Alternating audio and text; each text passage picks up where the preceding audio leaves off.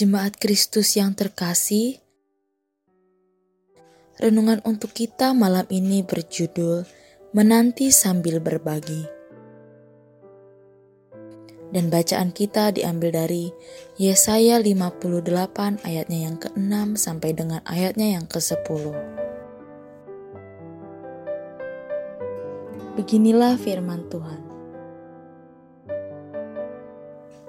Bukan, berpuasa yang kukehendaki ialah supaya engkau membuka belenggu-belenggu kelaliman dan melepaskan tali-taliku. Supaya engkau memerdekakan orang yang teraniaya dan mematahkan setiap kuk. Supaya engkau memecah-mecah rotimu bagi orang yang lapar dan membawa ke rumahmu orang miskin yang tak punya rumah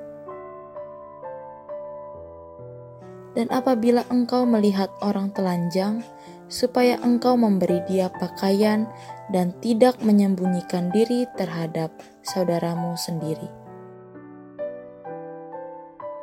Pada waktu itulah terangmu akan mereka seperti fajar, dan lukamu akan pulih dengan segera.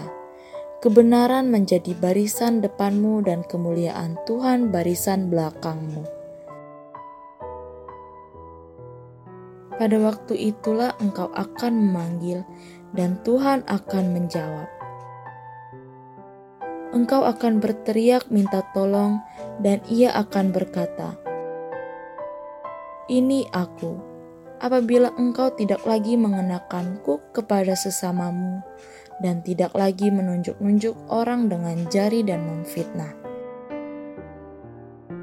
apabila engkau menyerahkan kepada orang lapar apa yang kau inginkan sendiri dan memuaskan hati orang yang tertindas, maka terangmu akan terbit dalam gelap dan kegelapanmu akan seperti rembang tengah hari. Menjaga kehidupan saleh bagi sebagian orang lebih mudah daripada harus hidup berbagi untuk sesama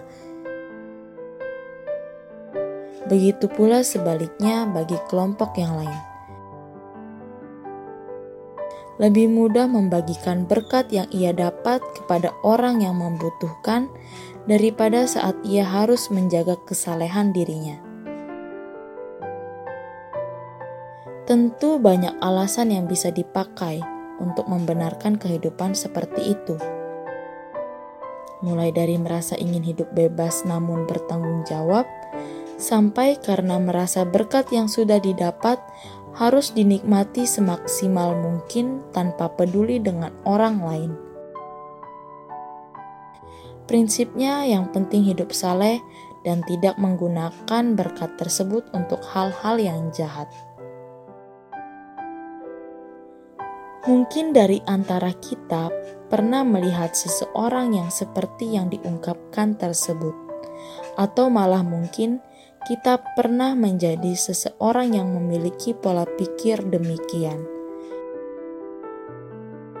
Dalam bacaan kita, ternyata Tuhan tidak menghendaki kedua hal tersebut.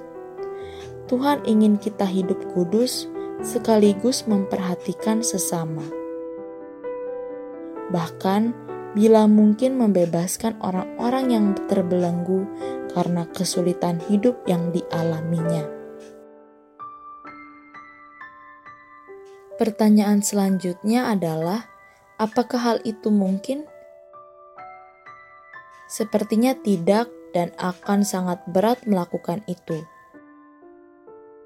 Dan memang kita tidak mungkin melakukan itu sendiri karena segala kelemahan yang kita miliki. Namun, bersama Allah dan dimampukan Roh Kudus, kita memiliki keyakinan bahwa Allah yang akan memampukan kita. Tanpa Allah, kita tidak akan bisa melakukan kebaikan yang demikian berkenan di hadapan Allah, sekaligus berdampak bagi sesama. Selamat menanti sambil terus hidup berbagi, karena Allah melihat tindakan nyata yang kita lakukan, bukan sekedar hidup saleh yang kita miliki. Demikianlah renungan malam ini.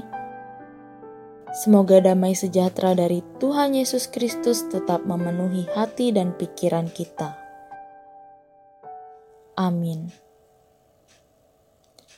Jemaat yang terkasih, mari kita bersatu hati menaikkan pokok-pokok doa yang ada dalam gerakan doa 21 GKI Sarwa Indah.